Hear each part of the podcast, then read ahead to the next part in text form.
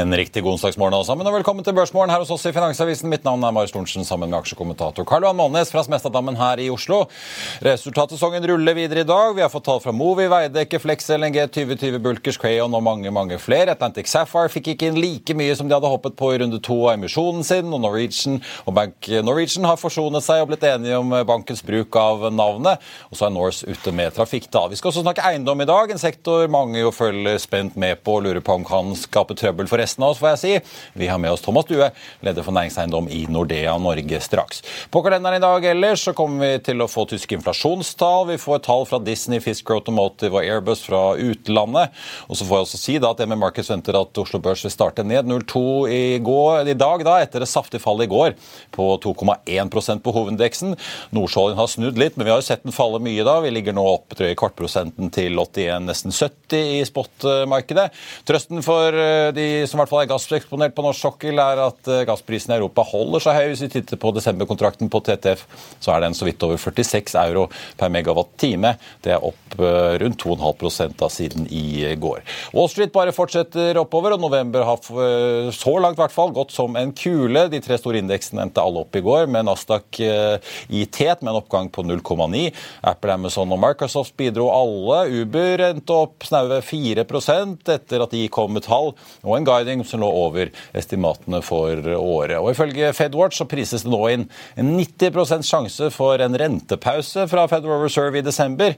Det er opp fra 69% for bare en uke siden. Indeksen i Asia stort sett røde i dag, får vi også ta med da når vi bare er et par minutter unna børsstart her hjemme. Atlantic Sapphire som jeg nevnte, skulle jo tilby 100 millioner aksjer i reparasjonsemisjonen deres til 1,40 stykke.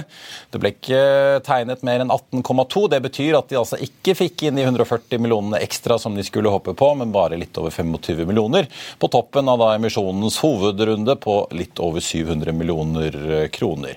Norse Atlantic, som også har kjørt en emisjon og fikk hentet inn en drøy halv milliard her for ikke mange dagene siden, har også kommet med trafikktall for oktober. De hadde litt over 102 000 passasjerer, ned fra da 133 000 i september. Kabinfaktoren tikket nedover tre poeng til 70. 85. Og så er det Øystein Strausbetalen Saga Pure da, ute med sine tall. Endte kvartalet med et underskudd på 11 millioner kroner etter å ha gjort en nedskrivning i Heimdal Power. Men så påpeker de også at de tjente litt eh, over 13 millioner kroner på sine kortsiktige investeringer i markedet ellers. Tørrlastrederiet 2020 Bulkers fikk et nettoresultat på litt over 5 millioner dollar i tredje kvartal. Utbyttet blir på 20 dollar cent, som er det høyeste siden mai i fjor. Og når dette utbetales, så vil selskapet altså ha returnert 87% av all innskutt egenkapital til aksjonærene sine. Da skal jeg si eh, god morgen, eh, Karl Johan. Skal vi snakke litt om eh, både Movi-tallene, men kanskje først også det kraftige børsfallet vi så i går. Oljeindeksen er over 2% og en oljepris som har falt mye på ganske kort tid. Ja, oljeprisen er ned. Det er jo spesielt for Norge, da, så det gjør at vi får en spesiell bevegelse i Norge. Men, men børsen i USA er jo oppe syv-åtte dager på rad. Så det, det, vi ser nå, er jo at du har de tre musketerer. Det er jo dollaren og, og Eh, og renten og uh, oljen de har jo steget veldig sterkt. Og så nå begynner de alle å bevege seg litt, sånn at de uh, ligger og duver litt mer. da, Slik at det er, ikke, det er slutt på de sterke oppgangene. og Det er jo konsistent da med at renten ligger i ro. og Gjennomsnittlig så vet vi at renten fra siste renteøkning til første rentekutt, så er det ti måneder. Og nå skal vi sannsynligvis ligge og svinge og duve her og trade på dette her og tro og tvil, og til slutt da så går de tre musketerer sydover igjen. Og Da faller alt sammen, og da faller resultatene, da faller inflasjonen, og da sier alle oi. Og det må man passe på, da må man ikke være med på det, da. Det er det store fallet. Men det er det, er det som må til, at eh, USA ofrer valutaen sin for å holde på banksystemet. Det er den trade-offen som alle land gjør. UK gjorde i fjor. at når du får valget mellom å bevare systemet og la valutaen gå, så går valutaen. Og Det er jo den store faren da for oljefondet. Man var hørte på Tore Johnsen eh, eh, snakke om oljefondet i Bergen i helgen. og det er klart det er veldig Mye av den veksten er bare ren valutaendring. Så når Nicolai Tangen snakker om eh, han frykter at oljefondet kan falle med 40% så kan jo den gjøre det nesten store delen av fallet. Ja, ja, kan børsen ligge i ro, men, men dollaren halverer seg. Det er ikke uvanlig at det skjer. Det er ikke nødvendig at man halverer seg, men at den går sterkt ned, det er ikke det tvil om at det kan skje. Og Det, det, det blir et valgt politikk som man gjør når man må beskytte sitt eget banksystem. Ja, for jeg tenkte det er jo, Nå så vi at Petter var ute og sa at de kjøper jo bl.a. Vår Energi med begge hender og syns det er billig. Falt nesten 5 i går, Aker BP og Equinor, og begge ned rundt 4 det er ganske store utslag for de tre store selskapene på børsen i oljenæringen? Jo, men vi har et marked der både obligasjonsrentene og eh, og eh, oljeprisen er styrt av aggressiv handel. Og det svinger mye mer enn hva det har gjort før. Og, og, eh, Vi snakka litt om det i går, at det er, jo, det er snakk om å kanskje gå inn og regulere hedgefondene som banker, for de skaper for mye støy i denne handelsvirksomheten. Og Hvis du gjør det, så kan de ikke holde på sånn som de har gjort nå. for de, har blitt for store, de skaper for mye støy. Og eh, Federal Reserve holder hele tida på å bygge opp og prøve å få bedre systemer. Hvis man begynner å se på utstående derivater i markedet i forhold til det som er underliggende av penger i verden, så blir man jo vettskremt. ikke sant? Det er det eh, Warren Buffett kaller masseødeleggelsesvåpen. Og vi fikk jo se hva som skjedde når eh, subprime eh, gikk under. og For at det skulle skje, så måtte jo AIG gå konkurs. og det gjorde de. Ja. Så det, der er overraskelser eh, i vente. og Vi vet jo aldri hvor det er hull i bunnen, men Eh, det, et eller annet kommer til å sprekke, eh, sånn som dette løpet er lagt. Da. For, du, for rentene, rentene, svir, og det vet jo Thomas veldig godt der han sitter i, i, i, i næringseiendom, at det er noen tåler dette, men det er ikke alle som tåler høyere renter. Og det, det må jo være en stor overraskelse for mange, dette her. For å si Under finanskrisen var det mange av oss som lærte om uh, hvor, hvor, mye forsikret, eller hvor mye EIG egentlig forsikret her i verden, inkludert flymotorer litt av hvert. Så ja, ja. kanskje finner ut noe annet vi er avhengig av. de hadde trippel A-rating, vet du. Ja, ja. AIG og GE, og dermed så var du det perfekte kunde. Altså Dermed så fikk du alle flyleasingene, for du fikk den billigste finansieringen. Derfor gikk alle dit. da. Men du, jeg tenkte Vi må innom kort også før vi tar inn dagens gjest. Uh, Movi, som ser til å stige et par prosent fra eh, start. Guide jo, eh, Det var ikke de store overraskelsene. Guider for en liten vekst neste år, da? Ja. Bakkafrost var jo litt ned i går, eh, nesten 4 på litt skuffende guiding der. Selv om de også guider for vekst, da, så tar de jo ned estimaten i år. Ja, det, det, viktigste årsaken er kanskje at folk har oppdaget hvor mye billigere den aksjen er enn de andre. Da. Og, ja, da Movi? Movi, ja. ja. Eh, som vi har sett her før, og at det amerikanerne har solgt ned pga. Eh, eh, ja, grunnrenteskatten. Og selv om eh, Movi går ut i dag og sier at det er 10% effektiv skatt, så, så eh, skaden har skjedd. Skaden har skjedd. Ja. Så. Men det var, det var, ikke noen store nyheter i Movi-tallene, men det er klart en aksje ligger jo aldri i ro. Så marginalt kjøpere da på dette her. og ja. det er jo opp fra 484 000 tonn i år til 500 neste år, Guidere. Og så utbytte da på 1,50 ned fra 2 på forrige kvartal, som ble utbetalt i september. Tenkte også bare å nevne kort før reklamen. Flex LNG har kommet med tall i dag. Fikk en resultat på 45 millioner dollar, opp fra 39 på samme tid i fjor. Ordinært utbytte ender på 75 dollar sendt aksjen.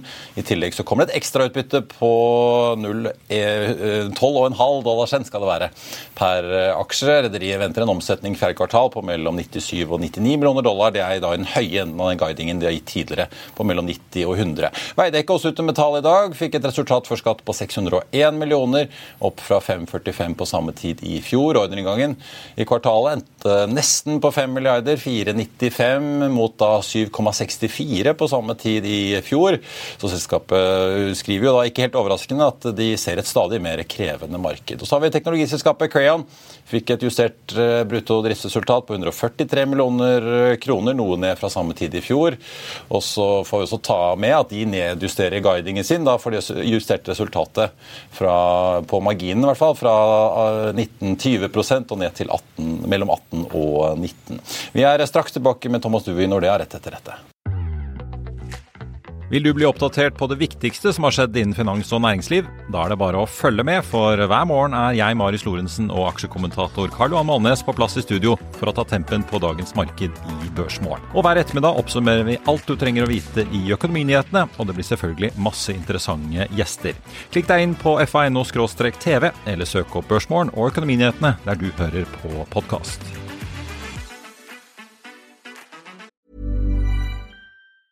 I'll see you in court. Vi sier det ofte litt på spøk, men for deg som driver business, er det aldri moro å innse at du ikke har laget en 100% gyldig kontrakt. Du bør ikke risikere hele firmaet ditt fordi du synes dette med kontrakter er litt stress. En avtale er ikke en avtale. Du kan miste kunder, miste venner, ja, til og med miste inntekter om du ikke lager en skikkelig kontrakt, på alt mulig, egentlig. Men vi vet det er et styr, kopimaskiner, tregprinter og haugevis av papir. Dessuten stoler vi jo på folk her i landet. Det er ofte litt kleint å skulle be om en signatur for alt mulig, ja, for mye av styret handler også om jakten på underskriften. Det finnes en enkel måte å løse dette på, Dukkobit, en trygg, effektiv og get this, gratis måte å sikre seg en god natts søvn pluss en juridisk bindende avtale. Dukkobit-appen har de strengeste sikkerhetskrav i bunn, samt en EU-godkjent og sertifisert teknologi. Framover vil det bli behagelig å spørre du, skal vi skrive under på det, eller? Kom i gang på dukkobit.no.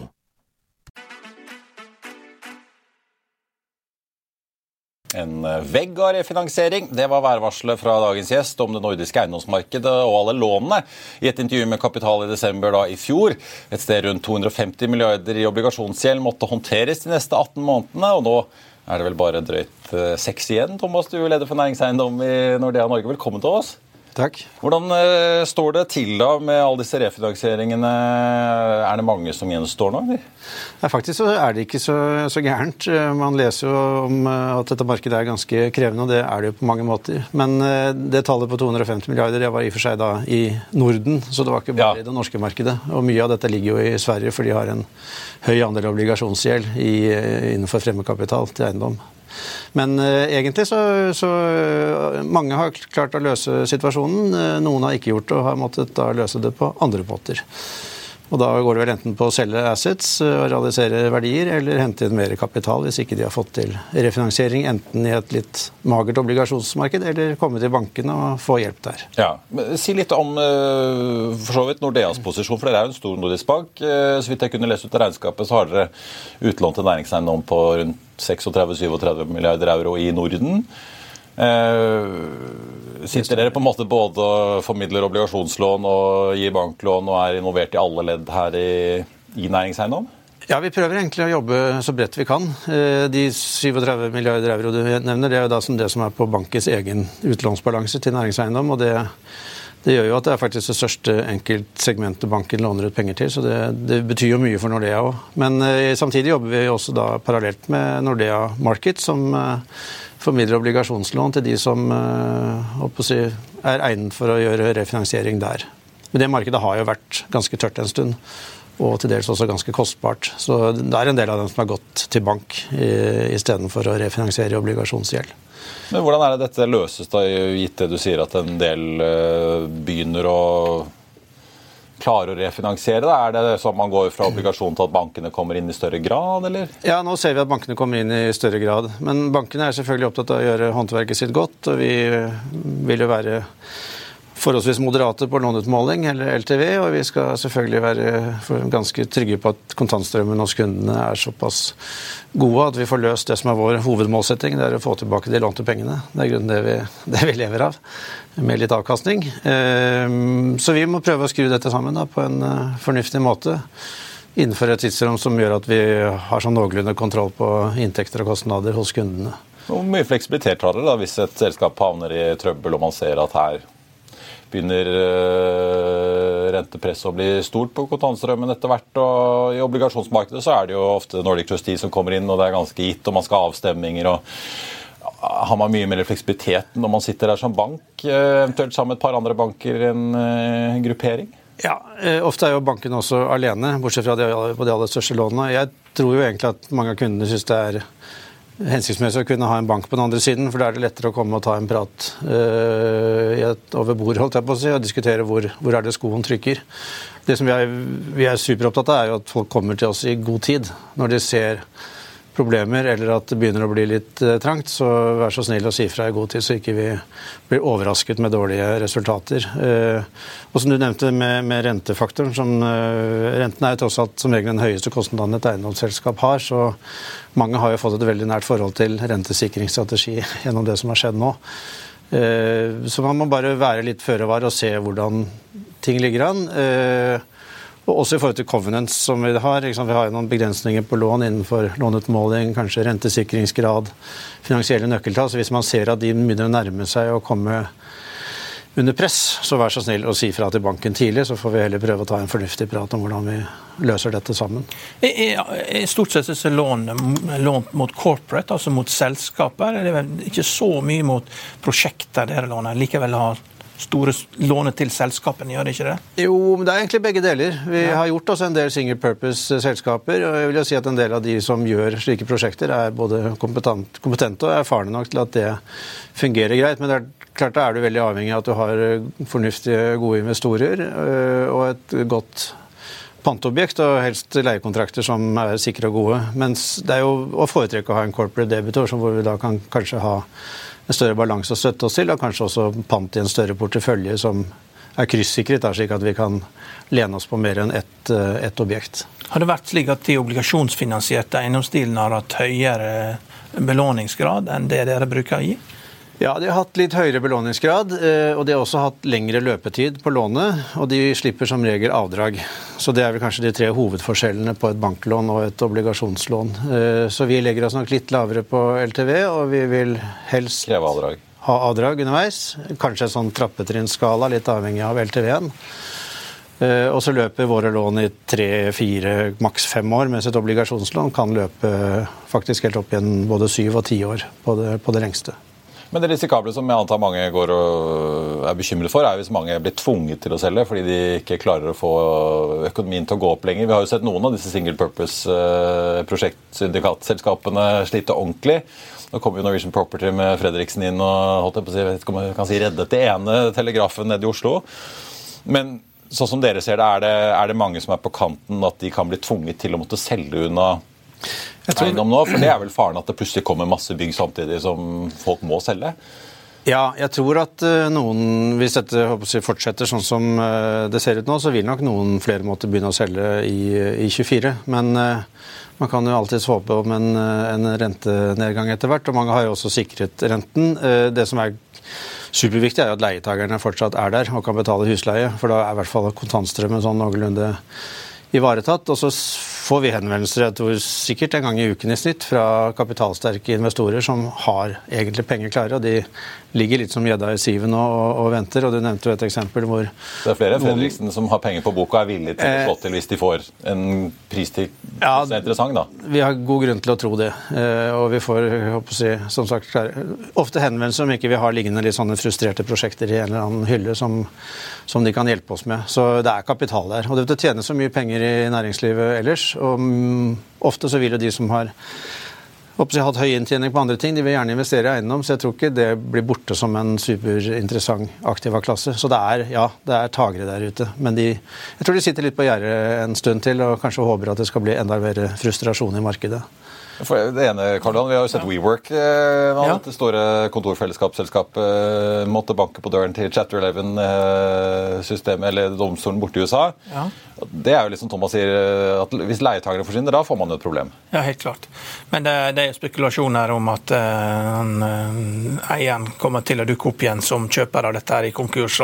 Så det, det, kan hende at det blir refinansiert. For det, det, er jo det som er det unike med eiendom, at det mangler jo ikke penger. Det er jo bare en, det er jo bare en ubalanse som har oppstått. og Ettersom jeg forstår ute, da, så er det sånn at folk kommer med cashbud som ligger 1% over yielden. Da. Altså, så diskuterer man finansiering.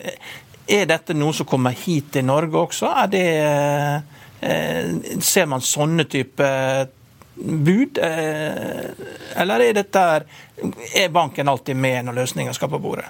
Altså Banken vil jo prøve å være en del av løsningen, men det er jo ikke sikkert at løsningen er finansierbar sett fra bankens ståsted. Eh, men foreløpig så er vi liksom ikke kommet eh, til sånne ordentlig distress-situasjoner, føler jeg. Eh, enn så lenge så er det at man kanskje firer litt på noen betingelser, eller at eierne kommer inn med litt kapital. Eller hvis du har en portefølje av bygg, så selger du noen for å på en måte rette opp litt i situasjonen. Så vi, foreløpig så er vi ikke liksom i noen sånn seriøse problemer som vi ser. Og vår eh, potensielle watchlist har ikke økt. Så den er egentlig ganske ikke-eksisterende, heldigvis. Så foreløpig så sover vi godt om natten og er, Bleke og fattet. Litt bleke, men fattet. Det er godt å høre. Men det er litt, hvis jeg tolker deg rett, da, så er det jo det hele dette markedet nå er avhengig av at det ikke er stort eh, bortfall av leietagere, at man får økt ledighet, og at renten ikke går ytterligere opp, da, gitt at det er ganske mange som er på en slags margin nå, hvor de klarer seg akkurat, men de tåler ikke noe særlig mer press, enten da bortfall av leietagere eller økt rente.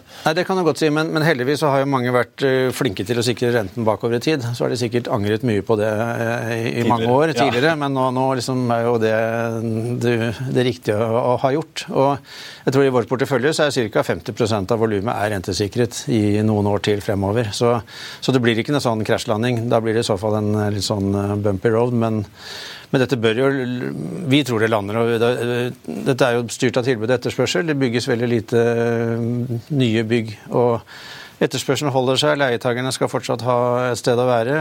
Og hvis ledigheten øker, altså at, at leietakerne begynner å slite, så kan det også tyde på at arbeidsledigheten vil måtte gå opp, og da skal jo kanskje renten komme litt ned igjen. Så det er jo litt sånn at alt henger sammen med alt. Ja, ikke sant. Ja. Ja, men det var vel Kristian Ringnes som i sin tid uh, åpent erkjente at han syntes det å tegne renten på 3-4-5% eller hva det var, var et kupp. og så han hadde aldri trodd det skulle gå lavere, og så gikk vi mye lavere. Ja, ja, altså Vi har jo hatt snudd, ja. mange år hvor mange sikkert har revet seg i håret over rentesikringer. og Vi har jo anbefalt og kanskje også dyttet litt på for at det skal skje, men det er, det er en forsikring. Så øh, vi mener fortsatt at det er øh, smart å gjøre. Og så lurer alle på hvorfor ikke de bandt renten under pandemien, for da var det jo åpenbart kjempelavt. Men da gjorde man det jo heller ikke alltid, for man tenkte at nå er det så lavt at nå er det deilig. Så, men, men, men det, er, det, er, ganske krav, harde krav fra, fra, vår side også ofte, at hvis vi ser at du må rentesikre for at dette skal gå rundt, så, så betinger vi egentlig det for å kunne yte et lån. Så, nei, så, så egentlig så er vi vi er ganske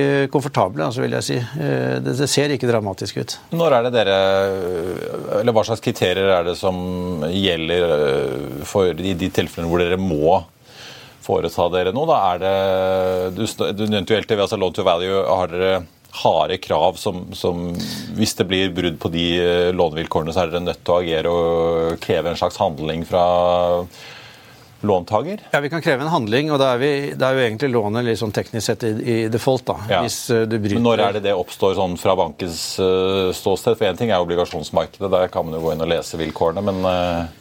Ja, nei, det, prøver å forstå dette markedet. Det er jo en bilateral avtale mellom oss og kunden. Men hvis de bryter noen sånne betingelser, så, så begynner vi å, å, snakke sammen. Og så finner man jo i 99% av tilfellene en løsning. Det er veldig sjelden at bankene tar over et bygg, og, og vi skal egentlig ikke drive med med byggforvaltning og utleie, så, så, da får vi i så fall noen til å hjelpe oss med det. Men, men, vi har ikke vært der på mange mange år at vi har måttet gjøre det. og og som sagt, da, Hvis man har et uh, antisipert mislighold, at man rett og slett er i et brudd, så får man snakke med eierne. og Eierne er jo som regel venner av oss som vi kjenner godt. og Så er de forhåpentligvis i stand til å komme opp med mer kapital, eller så må man selge i markedet så er det litt å selge høns i regnvær, da, sånn som det er nå, men, men det er kjøpere der. Så, så altså Ref det caset du nevnte som dere har omtalt i et, et prosjekt som da ble ganske stresset, så, så, så ble jo det også plukket opp.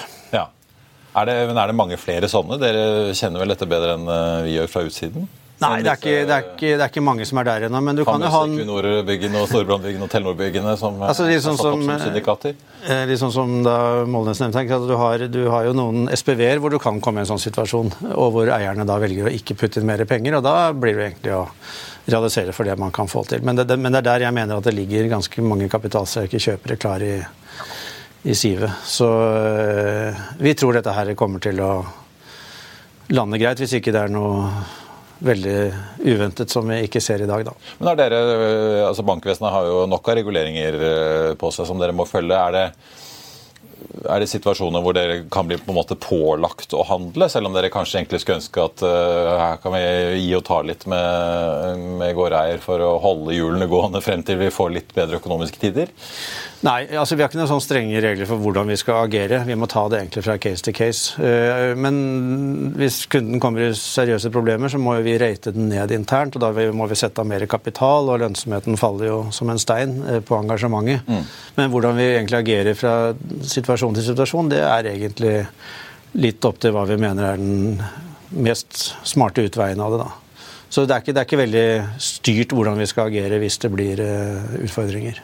Vi har jo eh, mye krysseierskap i denne sektoren. Eh, her i Norge så er jo Entra eid eller i hvert fall har store aksjonærer fra Sverige, som igjen hvor det er mye kryssende eierinteresser mellom disse store svenske aktørene. Ja. Diskuterer dere det mye internt i Nordea, eh, eventuelt liksom spillover-effekter og faren at hvis én begynner å få problemer, at, at det vil drysse over på de andre? Vi hadde jo SPB som fikk store problemer. Ja. Er det mye diskusjon som foregår internt i systemet som en stor nordisk bank? Vi ser jo alltid på hvordan eierkonstellasjonen ser ut. og, og eh, I det så ligger det også i og for seg å vurdere litt ringvirkninger. Men det er som du sier, i Sverige så har jo dette med krysseierskap og litt sånne strukturer oppå hverandre og forskjellige gjeldskomponenter og sånn vært mye mer eh, utbredt da, enn det er i Norge. Så i Norge er det ganske streite, enkle eierforhold. Så jeg tror ikke vi får noen sånne store skyggeeffekter av at vi eventuelt må slite med noen som kommer i heisen, så, så velter det hele markedet. Det, jeg tror ikke vi er der i det hele tatt. Det, ikke, det, er veldig sånn ren, mer, mer sånn renhårig, streit eierskap, tror jeg, i, i, det norske markedet. Så den sjansen er liten. Ja. Det, det, eh, hovedkontoret i Nordea ble jo flyttet fra Sverige til Finland fordi at eh, svenskene syntes det var litt for mange hovedkontorer og litt for mye ansvar for de som staten har, da, hvis, hvis, man skulle få bankproblemer. De lærte av finanskrisen. Og I Nordea så har jo det en sterk mann, Bjørn Hvalros. Eh, han solgte jo Sampo Bank for prisbok 3 og kjøpte Nordea-aksjer for prisbok 1. og han holdt jo statsråd Lemkull-forelesning om ledelse for ca. ti år siden. Oljeprisen var veldig høy. Og han er jo både treffende og morsom, og han sa vel om Norge at eh, Norge er som en fjerdegenerasjons familiebedrift der alle har mistet forstanden. Så hvordan, når han sier det, da, hvordan merker dere det i styringen av hvordan styrer han dere? Har han laget scenarioer? For hvis at, eh, det virker jo som at hvis Tangen får rett at oljefondet faller med 40% en dag, så blir jo det mye mindre penger ute i samfunnet. Det må jo være scenarioer. Det er ikke sånn at oi, dette var en overraskelse hvis dette skjer. Har dere laget scenarioer? Hva skjer da med eiendommer? Hva skjer med norsk økonomi? Har finnene hatt noe, gjør de noen sånne tanker eh, overfor dere, eller lar dere, får dere lov til å gjøre som dere vil? Nei, vi, vi eh, kanskje overdriver å si vi får gjøre akkurat som vi vil, men, men, man har valgt å legge eiendomsbiten som tre, nei, fire separate enheter som ledes i Norge, Sverige, Finland og Danmark. Så vi får egentlig, også fordi mak makroforholdene og hele økonomien er jo skrudd sammen forskjellig i de forskjellige landene. Nå er jo i seg også da Valdres og Sampo er jo ute av Nordea i mellomtiden, så, så jeg tror nok det er et litt annet syn som gjør seg gjeldende i banken nå enn, en det som kanskje ble sagt den gangen. Da. Eh, men at det er mye privat eierskap i norsk eiendom, det er jo helt sikkert. Eh, vi har jo ikke mer enn en håndfull børsnoterte selskaper, mens i Sverige er det 25-30 børsnoterte. Så det er jo veldig mye kall det familiebedrifter og kall det gammelkapital som eier eiendom. Og kanskje er ikke alle de like proffe i forhold til governance-strukturer og, beslutningsprosesser og sånn, men, men tjenere har de holdt på med dette i veldig mange år, så vi føler at kompetansen og, og, evnen til å løse situasjoner er ganske høy. Så, så vi er ikke noe bekymret for at det er en, en gjeng med hodeløse høns jeg på å si, sånn, som driver i denne bransjen. Det, det da hadde vi jo ikke lånt ut så mye penger til det. Det er ikke sånn finnene sånn. kommer og sier ok, Finland, alle leiligheter selges med rett til badstue, og det må vi ha i Norge også.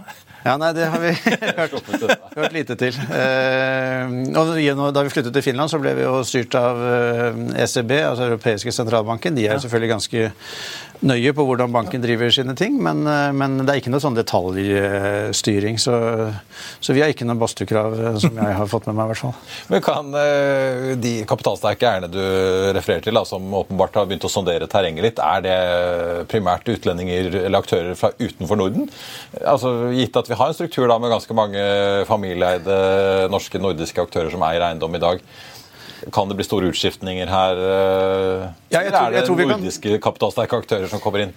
Det er mest nordiske. Norske og nordiske. Eh, de internasjonale fondene kunne jo ikke ha kommet inn i Norge nå med, med en svak kronekurs, men jeg tror de har nok eiendomsportefølje ellers i kanskje Europa og i USA og andre steder. og å jobbe med. så Foreløpig så går ikke de veldig hardt inn, eh, inn, igjen i Norge. Men de kan godt komme. og Jeg, jeg tror jo kanskje utfallet av en litt sånn stresset situasjon nå fremover, så vil det nok bli en del aktører som kanskje vil finne sammen eh, og, og kanskje bli litt større enheter fremover. fordi norsk eiendom er som sagt veldig mange små aktører. Det burde vært flere store. Her tror jeg vi kan ha mye, mye god utvikling eh, fremover. At det kan skje litt? Ja, jeg tror det. Ja. Og det hadde ikke gjort noe, det egentlig. Men hvordan ser det øh, gitt Du sagt jo om den vridningen som har vært litt nå da, fra obligasjonsmarkedet. Nå kommer det mer banklån inn. Men uh, når er det Vi hadde jo Maria Granlund her fra Alfred Berg eh, som sa at uh, sånn som hun vil, hun er jo renteforvalter, sånn som hun leser rentemarkedet, så virker det som rentemarkedet har priset inn et enda større verdifall enn det aksjemarkedet har gjort. Og så henger vel takstmenn og bransje selv etter som de som er mest optimistiske. Ja, ja, nå er det litt sånn at alle venter på alle, fordi ja. det er veldig få transaksjoner. Altså Transaksjonsvolumet er jo 25% av hva det normalt ville vært på et år.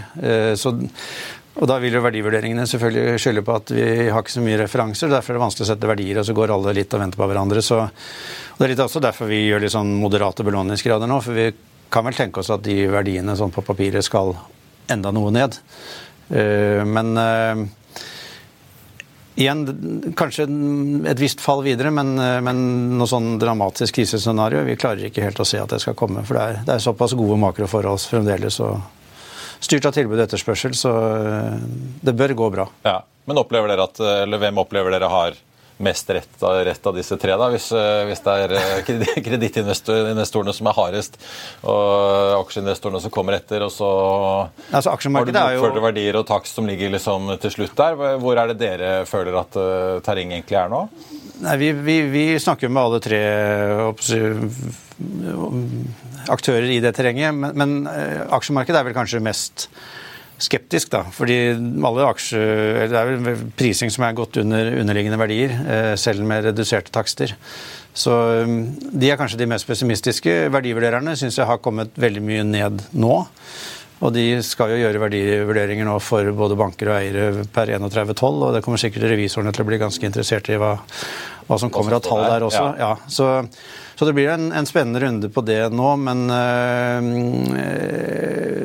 jeg syns kanskje at Alt i alt så er det ikke så store sprik som man kanskje skulle forvente. Og det hender jo at man får verdivurderinger fra flere, øh, og de er stort sett ganske sammenfalte. Men men igjen, alle går litt og venter på alle, og noen sitter på gjerdet. Så det er jo et marked som er vanskelig å, å forholde seg til. Da. Hva er egentlig prisen på et bygg i dag? Eh, hvis ikke du har en willing seller, willing buyer, det, da får du en ok pris. Hvis det er et litt sånn ukurant objekt, så kan du risikere at det ikke lar seg omsette annet enn for godt under en verdivurdering. Men den nedskrivning vi har sett, vi må forvente flere ja, jeg tror det kommer flere. Neste år, da, når ja. Eh, takstmenn og revisorer har sett gjennom og Ja, jeg tipper ja. at eh, de skal ned noe til eh, f.eks. i årsskiftet. Men er, er, det sånn at de blir enige om en, en konsensus om en viss realrenteoppgang, som de alle legger inn i tallene, eller er det noen som holder igjen på alt, og så er det noen som tar hele realrenteoppgangen. Det, det, bør jo være en, de må jo være en viss enighet, for det er, det er jo en treghet i dette her som er alt annet som og det er jo i alles interesse at de prøver å bli enige om hva de gjør. Ja, det er en treghet både når det går opp og, ned, selvfølgelig. Eh... Det, går, det, går, veldig fort når det går opp. altså Hvis det er rentesenkning, så kommer de termsheetet uka etter. altså. ja da, og du så det bare på aksjekursen på noen eiendomsselskaper bare for noen dager siden. da ja. det kom en liten sånn knepp. Ja. Så, så, så, markedet er jo superopportunistisk. Ja. Eh, men men takstmenn henger, henger, etter? De henger etter. Og de har ikke sånn gjennomgående standarder for alt. Så de, det er jo litt sånn synsing hva de legger til grunn som forutsetninger. Og dette blir jo veldig forutsetningsstyrt. Naturligvis. Men forskjellen bare til slutt, eh, Thomas, forskjellen mellom notert og unotert. Eh, for dere har jo en god oversikt over hva som skjer i begge.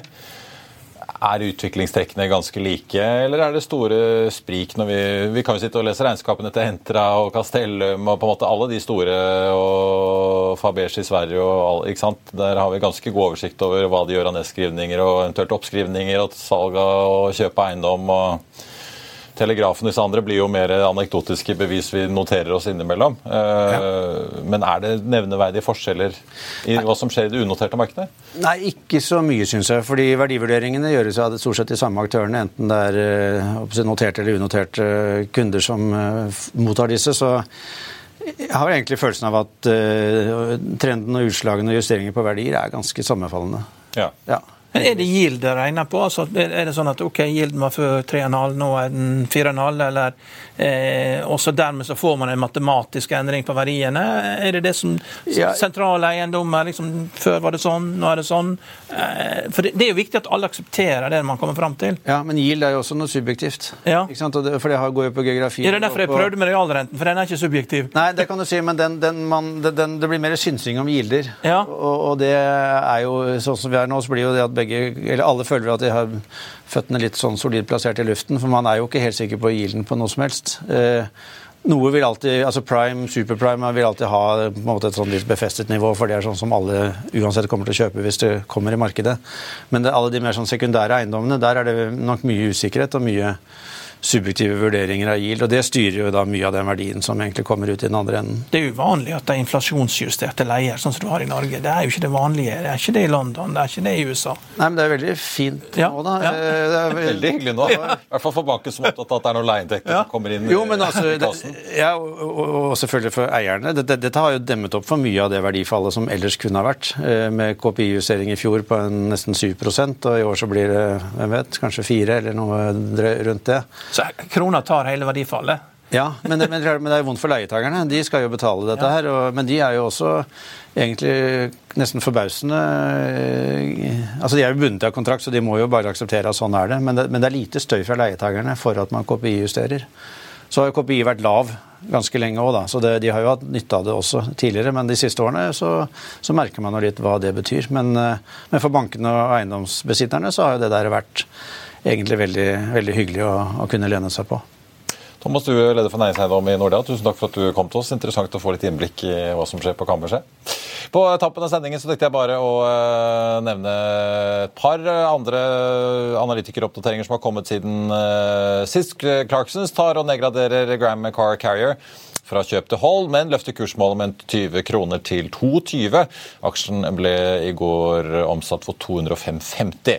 Hexcom Purus der tar det med Markets og kutter kursmålet nå fra 19 til 13 kroner. SEB kutter fra 24 til 16. Den endte i går på 10,70. Bevi kom jo også med tall i går, og Pareto tar og nedjusterer kursmålet der nå med 3 kroner til 20. Carnegie fra 34 til 29. Aksjen endte i går på 19,20, med et fall altså på 13% og så til slutt da Bakkafrost, som vi snakket om. Carnegie oppgraderer der fra hold til kjøp og løfter kursmålet fra 5,25 til 560 frem. Pareto nedjusterer på sin side litt fra 5,50 til 5,20. Den falt jo da snaue 4 i går på en guiding som var lavere enn det mange hadde ventet i forkant. Hovedindeksen på Oslo Børs nå opp 0,4% så da får vi altså et lite løft etter gårsdagens kraftige nedgang på over 2 med en oljepris som har hentet seg noe inn, men som fortsatt altså ligger under 82 dollar fatet. Movi opp 3,65% nå, Saga Pure ligger uendret. Norse Atlantic svakt ned etter trafikkrapporten der, og Crayon ser ut til å få en veldig krevende dag, ned nesten 17% nå på deres kvartalsrapport. Det var børsmålen for denne onsdag 8. november. Husk å få med deg Økonominyhetene 14.30. Da får vi besøk av tidligere Nell og Saga Pure-topp Bjørn Simonsen, som er i gang med et nytt selskap, nå innen havvind. Og det litt uortodokse teknologikonseptet det får vi demonstrert her i ettermiddag, så det er bare å følge med. I mellomtiden så får du siste nytt på FAN og gjennom hele dagen. Ha en riktig god onsdag, alle sammen. Vi ses.